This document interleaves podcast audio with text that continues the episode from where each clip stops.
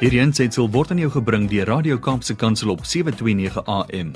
Besoek ons gerus by www.kapsekansel.co.za. Dis kwart voor 8 op die kop en ons gaan Gauteng toe en ons gesels met Zanti Swanepoel. Hi Zanti, I hope you're well. We're looking forward to your story. We like those kids that sit down on the floor at story time en trek hulle die knieë so in na die bors toe en dan hou hulle die knieë so vas. Ons kan nie wag vir jou storie nie. Goeiemôre. Môre Brad, ag prys die Here nê. En vir my net so ongelooflik dat hy altyd ag dis Jesus op op aarde was gekies het om deur gelykenisse en stories vir ons dinge te kon vertel nê, mm. dat hy ons gemaak het om om stories te kan verstaan en om moeilike beginsels en begrippe partykeer op so 'n mooi manier het hy vir ons kom dit verduidelik. Ek dink partykeer Brad, dit moes baie moeilik gewees het vir Jesus om met mense te kan praat. Ja. Yeah. Om om alles te weet wat hy weet. om alles te kon beleef het en en eintlik jy weet uit die koninkryk uit te kom en en met ons te praat wat eintlik blind is en om ons goeders te kom vertel wat ons regtig nie van weet nie op 'n manier dat dit in ons gees kom val. En dit is vir my so mooi dat jy um nou nou sê oor love languages, nee. Ek weet nou nie waar ek julle gesels en so voort nie, maar wat ek wel weet is dat God altyd universeel werk. Hmm. En dit is my so kosbaar want my tema gaan presies oor dit vanoggend.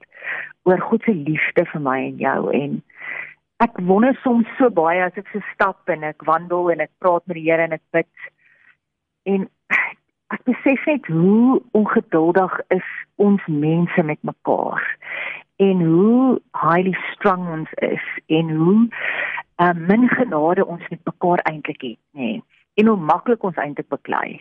Hoe maklik ons die verskille in mekaar eintlik raak sien en weet jy dit dit kom maar net weer by dat ek en jy wanneer ons God se liefde ervaar vir ons en ek kan besef hoe lief God my het. Mm.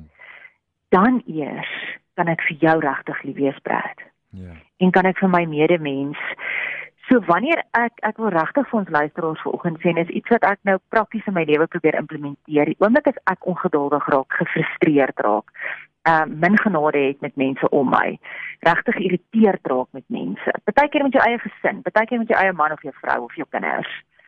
Dan is dit vir my daai daai rooi lig van maar jy ervaar nie God se liefde vir jou nie, Santi. Because in life you can only give what you have. Ah.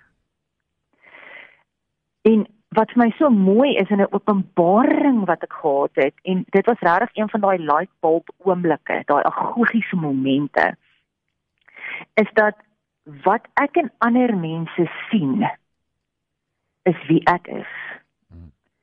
Julle dis groot woorde wat ek nou sê.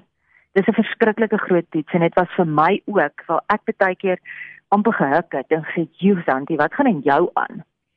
Want jy sien wanneer ek oor ander mense skinder, wanneer ek sleg aan ander mense heeltyd sien, wanneer ek kritiseer die heeltyd, wanneer ek dit wat in ander mense wat nie mooi is nie sien, I can only see in others what I am. Hmm. Julle dit was vir my groot.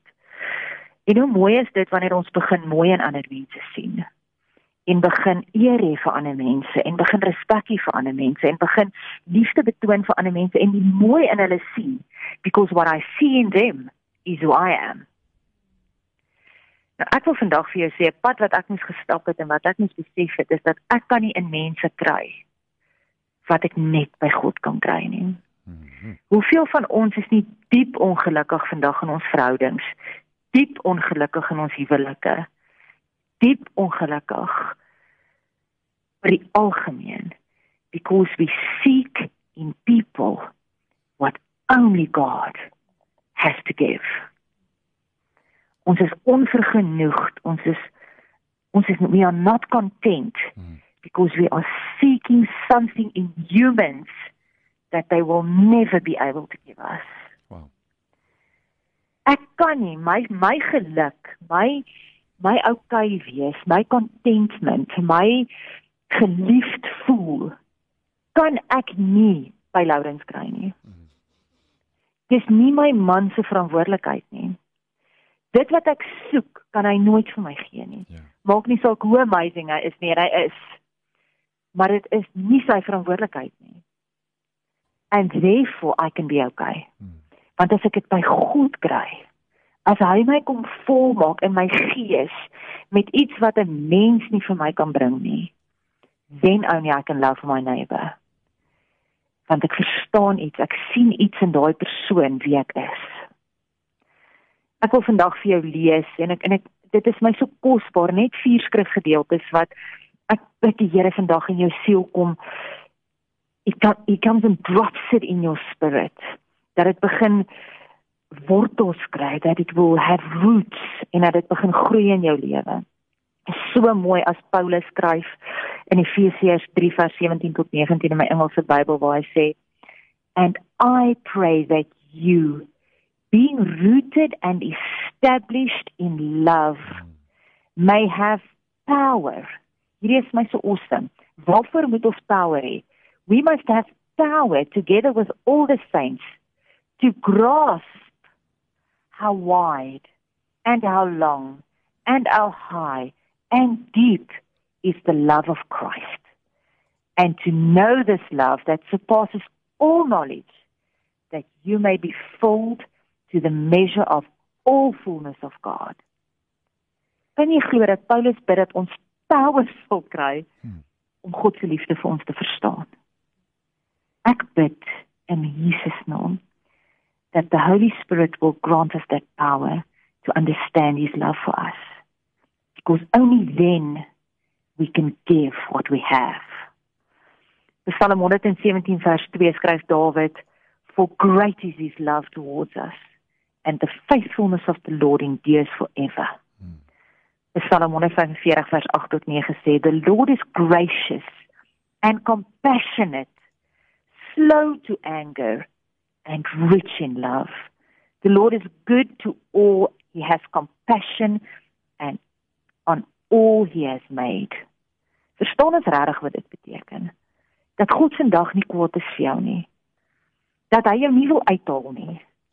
Dat daai messe wat jy in jou rug voel vandag is nie syne nie. He has compassion on you. He is good to you. Hmm. Psalm 86 vers 5 You Lord are forgiving and good abounding in love to all who call on you. Ja, ek wil vandag met jou 'n storie deel. Dit het vir my regtig diep geraak en weer het my net teruggevat sien toe maar ek weet nie wie van die luisteraars en julle het destyds The Passion of Christ gekyk nie, ja. maar Jim Caviezel was die akteur wat Jesus gespeel het en is so ongelooflik. Ek wil jou uitdaag vandag. Gaan op YouTube en gaan luister sy getuienis hieroor. Weet jy wat ek dink om Jesus te gespeel het in daai fliek wat wat so baie mense tot bekering gebring het, was vir die vyand weer 'n herinnering. Dit het hom weer herinner dat hy oorwin is. Hmm. En dat dit verby is en dat God ons kom red het en dat Jesus aan die kruis die grootste liefde wat hy vir my en jou het ooit kon wys en bring. En daarom dink ek was dit vir hierdie akteur so moeilik om hierdie rol te speel want hy sê during the filming of the Passion of Christ Jim Caviezel playing Jesus lost 45 pounds. Nou dis 21 kg. Hmm.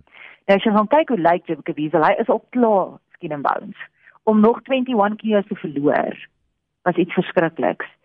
He was struck by lightning accidentally scorched with a whip twice, leaving a 14 inch scar on his body. He had his shoulder dislocated a few times. He suffered from pneumonia and hypothermia from hanging mostly naked on a cross for several hours outside. His body was so stressed and exhausted from playing just the role that he had to have two open heart surgeries after the production. Sure. The crucifixion scene alone took five weeks after two months of filming. He was told not to take the role as it would ruin his career, but he proudly proclaims his faith in Christ amidst the godliness, the godlessness of Hollywood. Sure. Ek wil vir jou sê as jy dit hoor dan op 'n stadium het hy in die kruis gehang en elke keer as hulle hom van die kruis afhaal dan het sy skouer gedislocate elke keer. Maar hy sê op 'n stadium was hy so siek van longontsteking en en hypothermia dat hy nie eens daai dislocation meer gevoel het nie.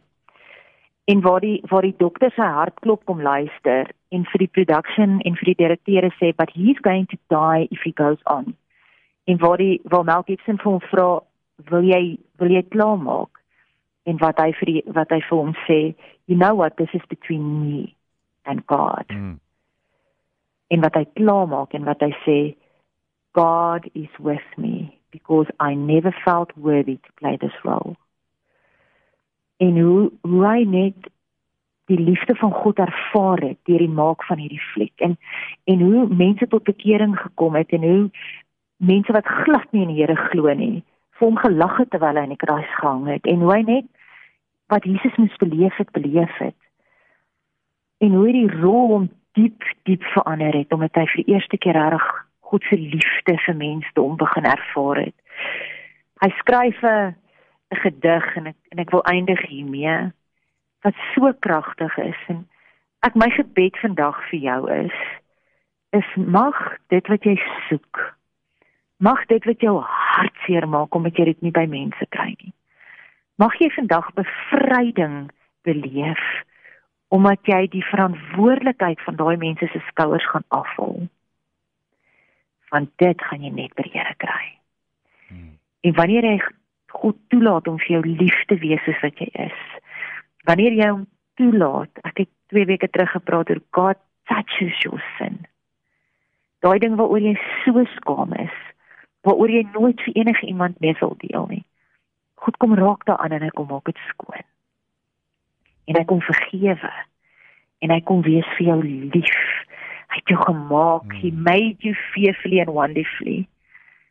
Hy is met jou.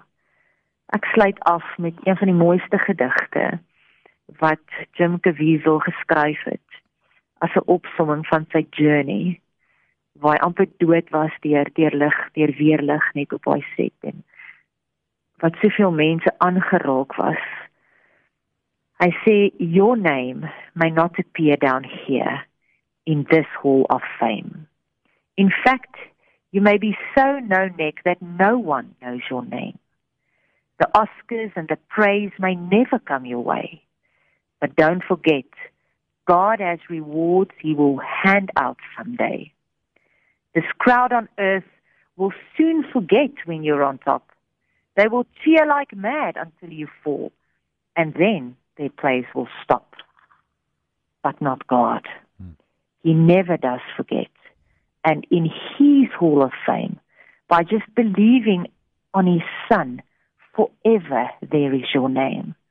I tell you, friend, I wouldn't trade my name, however small, it written there beyond the stars in that celestial hall. For only for all the famous names on earth, all the glory that they share, I'd rather be an unknown here and have my name up there. Amen. Hierdie ensitsel is aan jou gebring deur Radio Kaapse Kansel op 729 AM. Besoek ons gerus op www.kaapsekansel.co.za.